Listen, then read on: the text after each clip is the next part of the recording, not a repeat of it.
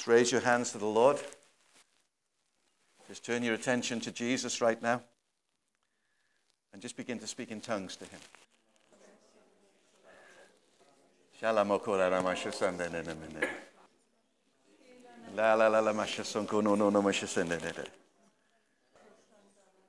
To speak from your spirit now. Keep going. Speak from your spirit to the Lord. From the depths of your spirit, to speak to the Lord. Engage with the Lord Jesus from your spirit. Speak in tongues.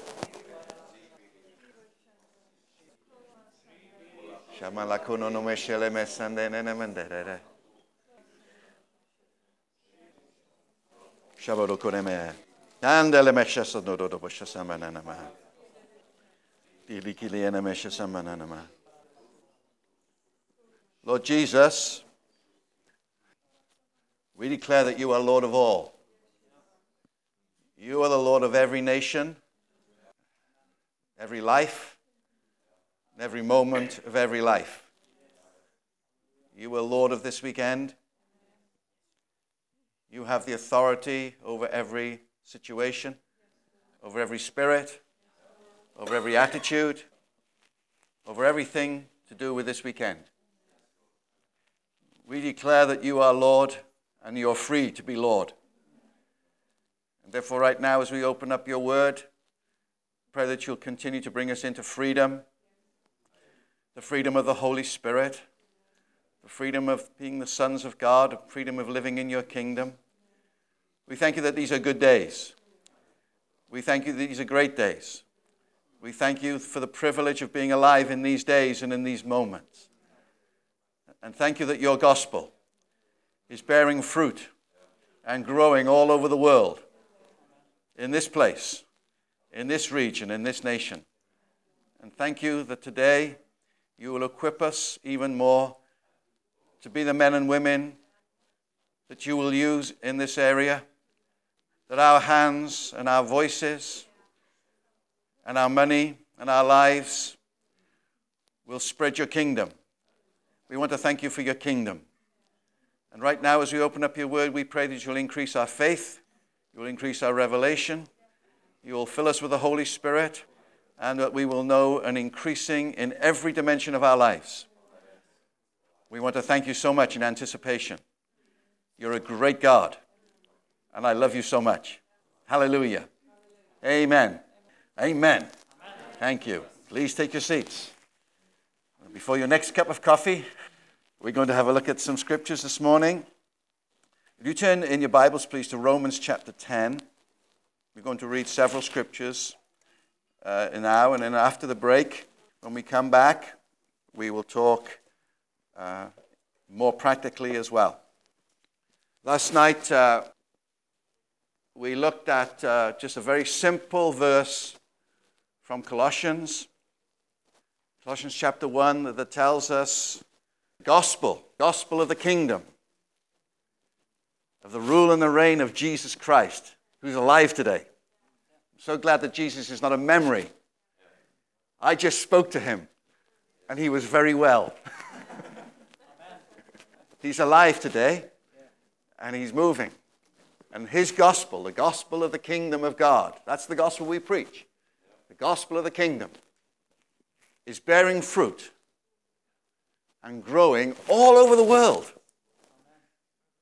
And uh, last night we shared that uh, for us, many in the West, instead of begging with God and asking God to break through, we decided to say, instead of doing that, we came to realize over a period that the Lord had already given us all the resource that we need to be the breakthrough.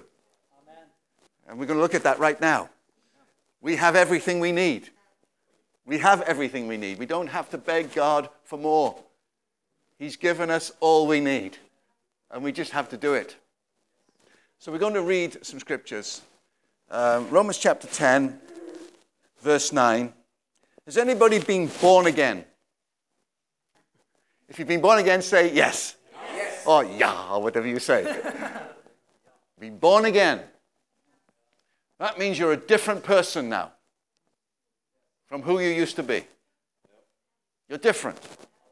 But you've been born again into a kingdom.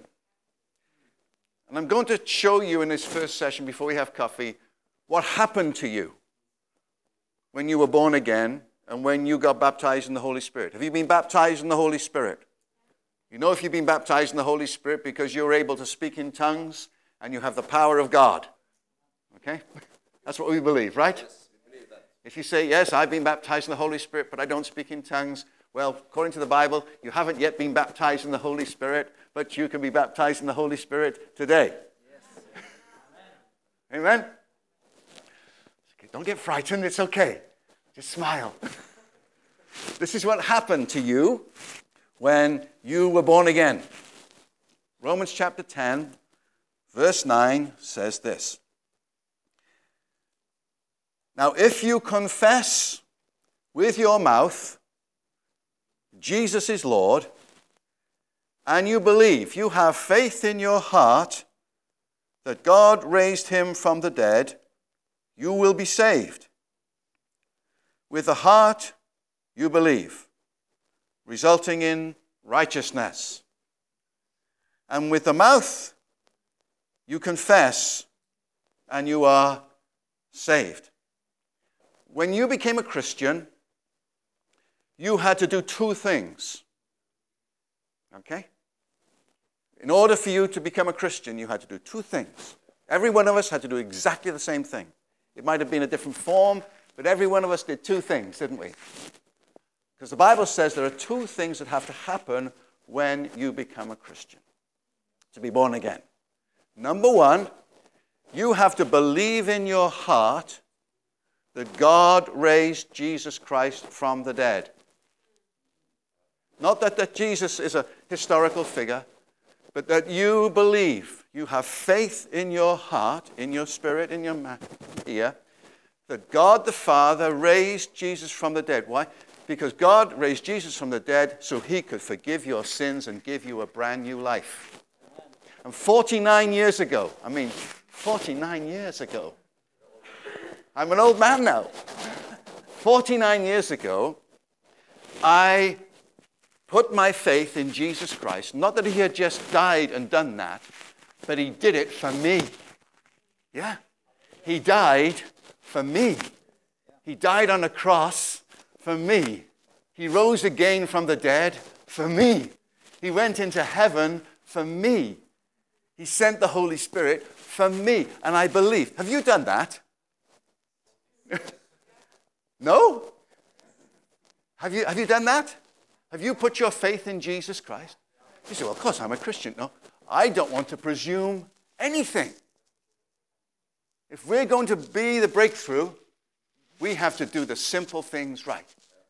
Do you believe, have you believed in your heart that God raised Jesus from the dead, that he died for you?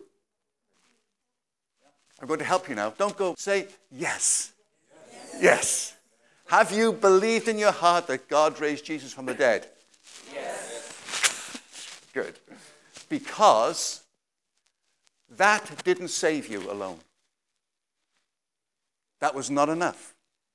You also had to do something else. Look at Romans chapter 10, verse 9, and tell me what else you had to do. You believed in your heart, but you also had to do something else. What did you have to do? You had to speak. You had to speak. You have to say something. You have to confess something. Just believing in your heart, raising your hand in a meeting or whatever, or signing a card, did not make you a Christian. That's what the Bible says, doesn't it? I'm only telling you what the Bible says. The Bible says if you believe in your heart and say something with your mouth, you will be saved. So I had to say something. I had to pray a prayer. I was asked, Are you receiving Jesus Christ as your Lord? Yes, I am. Will you pray this prayer? Lord Jesus, Lord Jesus, I confess my sin. I'm asking you to come into my life. I had to say something. I couldn't pray it silently. Something had to come out of my mouth. That's why God has given you a mouth. Because a mouth is designed not just for drinking coffee, I'm sorry, or for eating yellow cake, I'm, so, I'm sorry, or salmon or prawns. Wonderful food. He gave you a mouth to speak.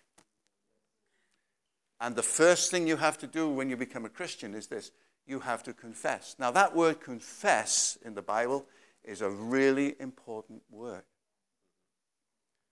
The word confess, used in the New Testament, means this to agree with something you heard somebody say. I'll say that again.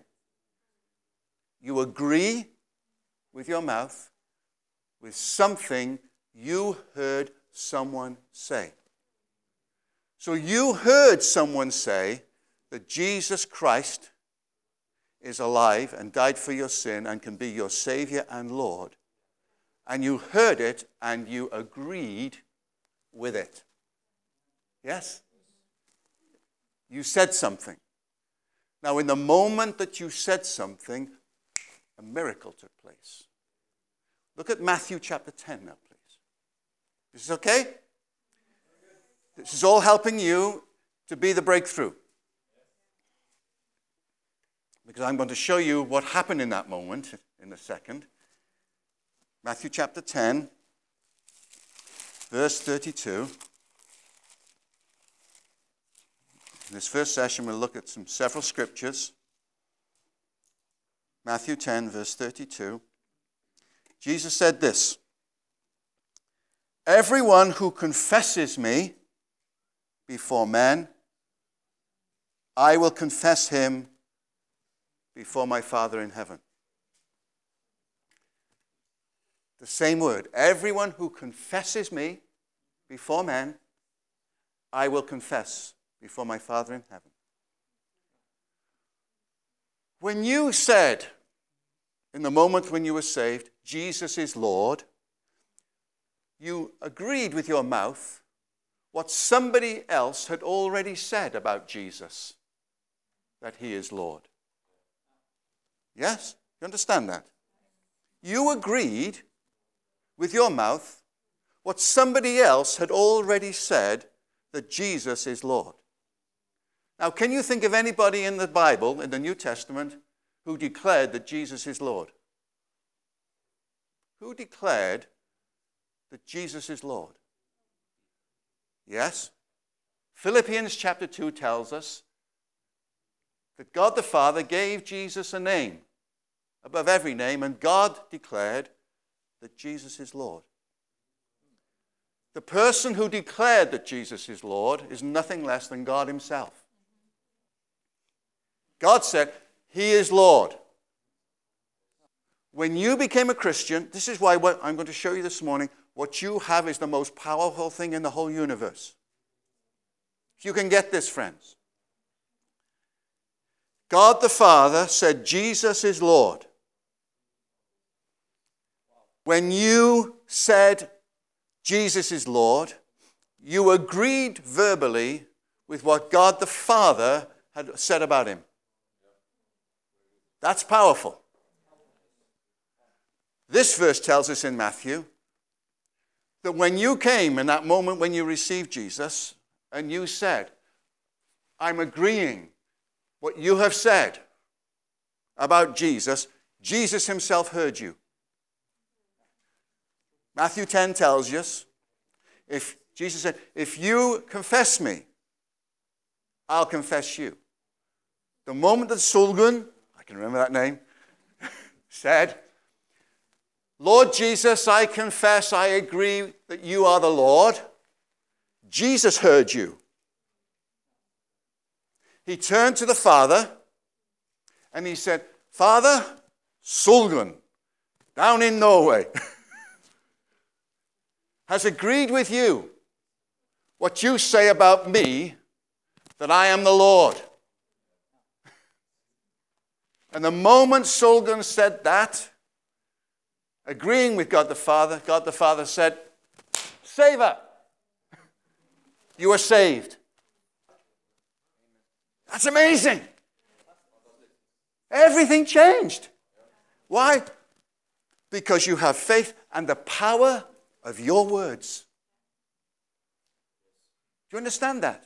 The power of your own word had the creative power to save you. Yes. What came out of your mouth that day was incredibly powerful. Because God says, I want to save you. I want to save you. And we say, Well, I believe. He says, Not enough. Say something. Yes. Jesus is Lord. Come on. Come on. So you had to say something. So when I say now, Jesus is Lord, what do you say? Yeah, amen. Yeah, great, fantastic. Yes, you say something because you say, that's right. There's a power when you agree with something. Now, that's a whole big thing, but I want to show you now what happened in that moment. What happened in that moment that you received Christ? Let's look at Colossians chapter 1 again. Excuse me if I get excited, but I think this is wonderful. And I came all the way from Wales to tell you this. Colossians chapter 1, we'll read three verses. Verse 27. Colossians chapter 1 and verse 27 says this God wanted to make known to those among the Gentiles, that's us, that's Norwegians, that's Welsh people. God wanted to make known to those among the Gentiles the glorious wealth of this mystery, which is Christ in you. Christ in you. Not Christ with you, Christ in you.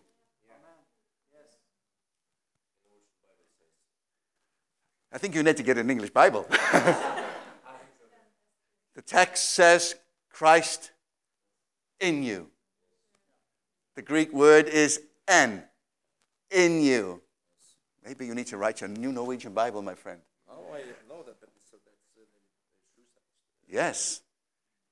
Christ is not just among us, Christ is in you.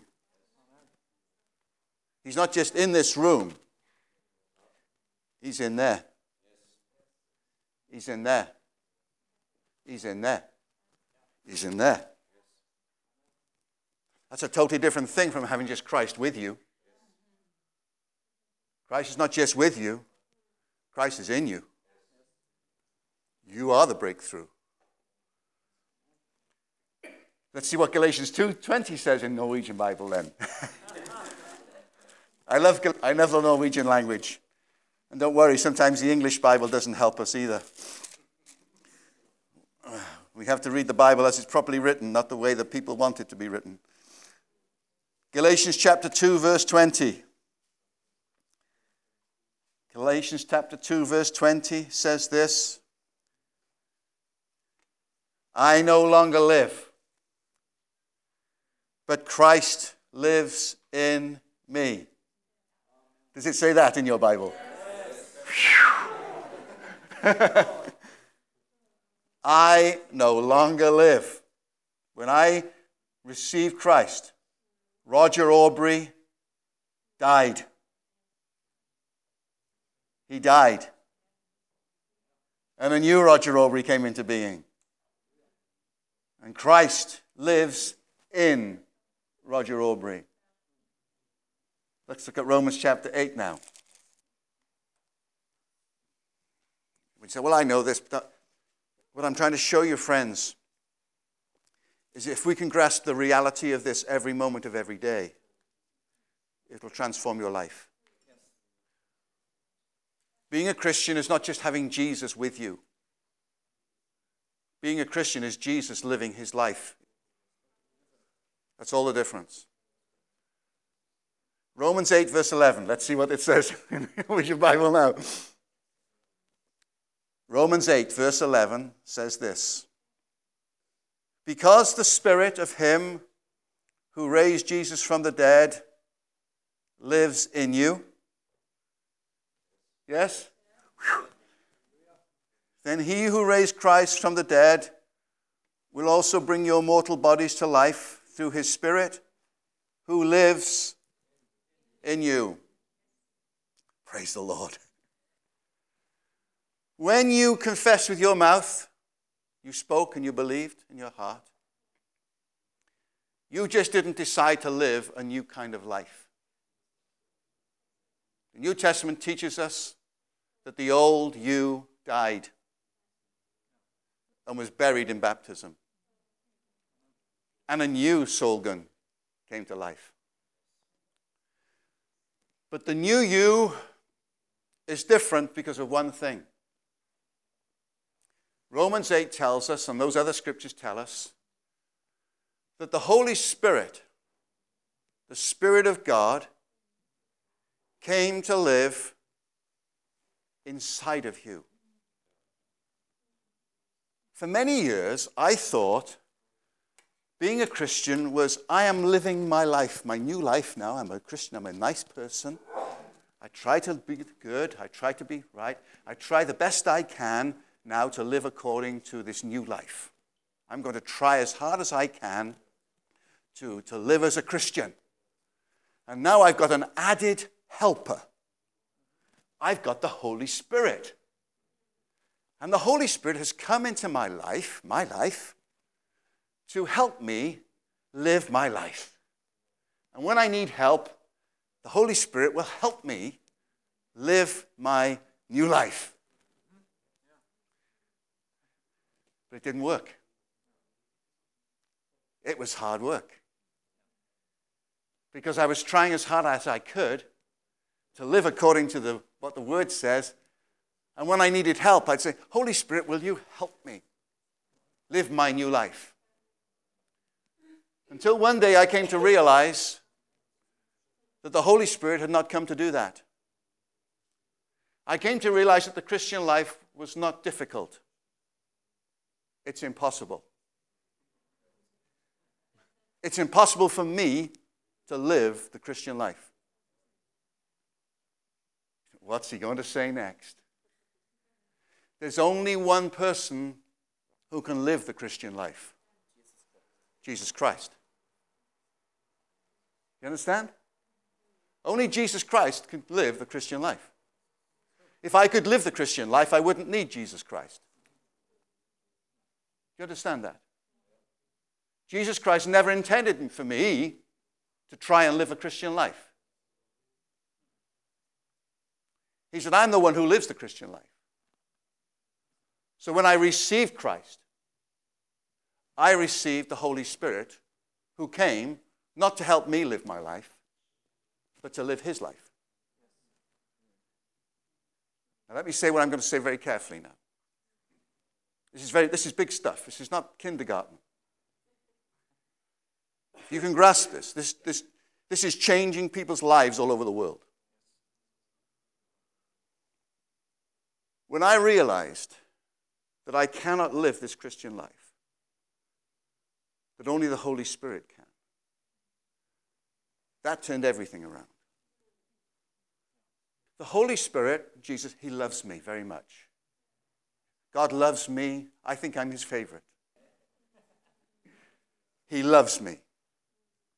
He called me and chose me before the foundation of the world, as He did you. Has a wonderful plan for me. Having said that, but He has no interest in helping me live my life. He didn't create me to help me live my life. He created me to live his life through me. You understand the difference? Now, all of a sudden, that takes all the fear, all the frustration away. What it re- makes me realize is wow. So then I have to ask this well, when the Holy Spirit came into my life, how much of the Holy Spirit came into my life? How much of the Holy Spirit did I receive when I became a Christian? How much of Him? Little bit or all of Him? You tell, I, I have all the Holy Spirit living in me? Well, how much have you got then? If I have all of him, how, how much have you got of him?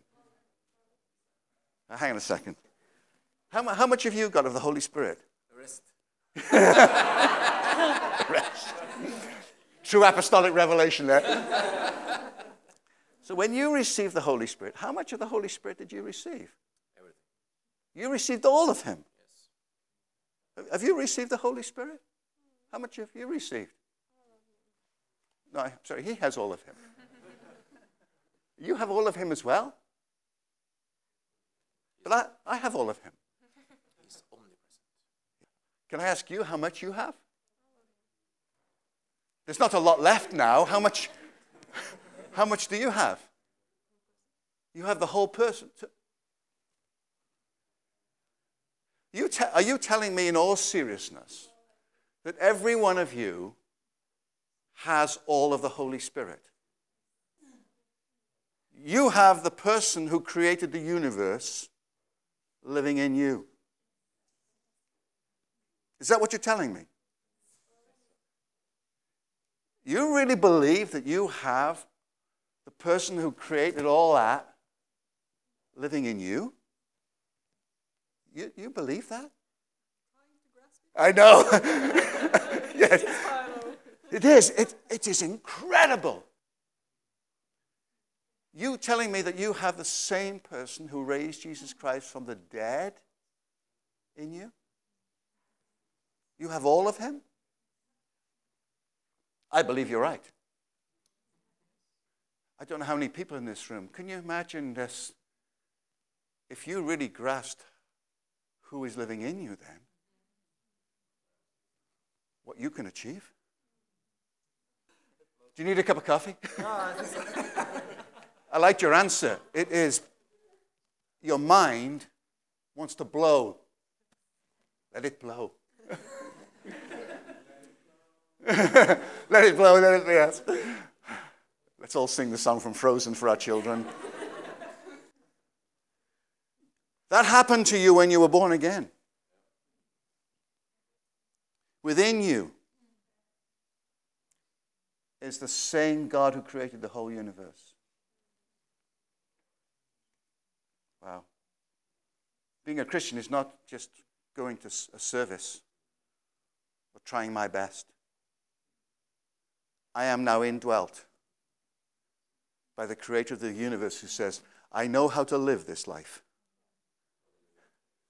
I know how to live. Now let me live. Let me live my life through you. And you say, But God, I'm Norwegian. I'm Welsh. No, I've entered a kingdom. You're dangerous people. I wouldn't like to be your enemy. You actually tell me that you have all of God living in you. And He knows how to live. Okay. Well, let's read another scripture. I need a cup of coffee in a minute. Is this okay? This is not, as you said, this is not kindergarten. You unlock this power. We'll be writing stories from Trondheim. Matthew chapter 3. This is what John the Baptist said. I'm just showing you what the Bible says about you. This is what the Bible says about you.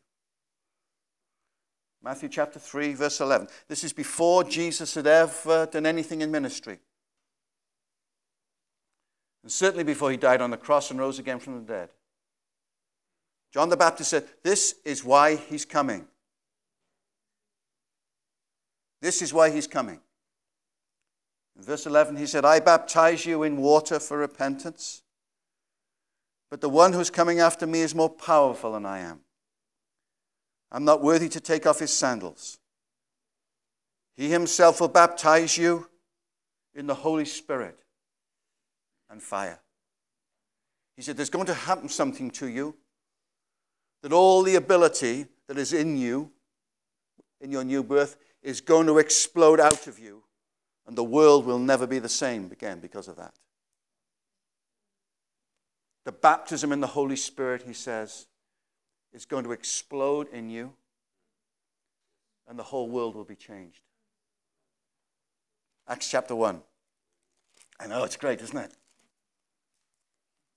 These are the really important things, folks. These are the vital things for our day. These are the important things for this moment in history. I don't want to read about a God who's powerful in the scriptures, but unable to do anything today. My God is the God of His Word. Acts chapter 1, verse 8. This is Jesus just about to go away into, into heaven. And this is the promise He made to us. And in verse 5, first of all, he says this Now, John baptized in water, but in just a few days, you're going to be baptized in the Holy Spirit. You're going to be baptized in the Holy Spirit. And then he said this, verse 8. And this is what's going to happen to you when you get baptized in the Holy Spirit. You're going to receive power when the Holy Spirit comes on you. And you, and you are going to be my witnesses. He doesn't say if you want to be a charismatic Christian or if you want to be, if you want to be a tongue speaker. He says, taking all that choice away from you. If you're going to be my disciple, you're going to be baptized in the Holy Spirit and you're going to be powerful. There's not, there's not the charismatics and the non charismatics. He just says, This is what it means to be my disciple. You're going to receive the baptism in the Holy Spirit and you're going to receive power. The Holy Spirit, he says, is the ability of God. That's what that word means power, the ability. He says, You are going to receive all the ability that you need. I'm going to bring it into your life, and everything that you need to live this powerful life, you're going to have it. So you're not going to have to come in meetings in years to come and say, Oh Lord, give us more power. Oh Lord, give us more power. Oh Lord, break through. He said, Stop that. He said, You've got it all. Now put it to use. Yeah? We have to move on from that. There are, things, there are prayers that God cannot answer. When you say, Lord, be with me, He says, Where else am I going to be?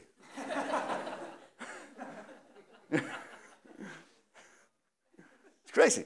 Lord, be with us today. He said, Of course, I'm in you. Where else am I going? Then it says this. We'll, ta- we'll just read the scripture and then we'll take a break. Acts chapter 2. Notice what happened again. These people, you've received the, the person of the Holy Spirit. Now comes the release. The release of all that power within you, the release of all that person within you has to be released. That's what the baptism in the Holy Spirit is about. It says, When the day of Pentecost had arrived, they were all together in one place, and there was suddenly a sound of a violent rushing wind that came from heaven, and it filled the whole house where they were staying. And tongues like flames of fire that were divided appeared to them and rested on every one of them. And every one of them was filled with the Holy Spirit. That word filling means they all came under the control of the Holy Spirit. That's what to be filled with the Spirit means. They all came under the control of the Holy Spirit. He said, I'm in you, but now I've got you, I've got control.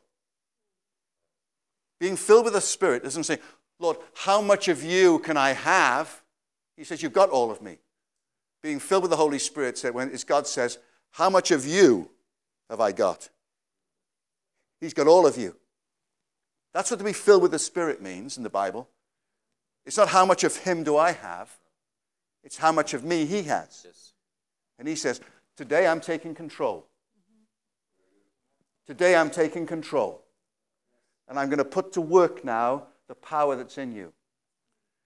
And it says, they were all filled with the Holy Spirit. And what did they do?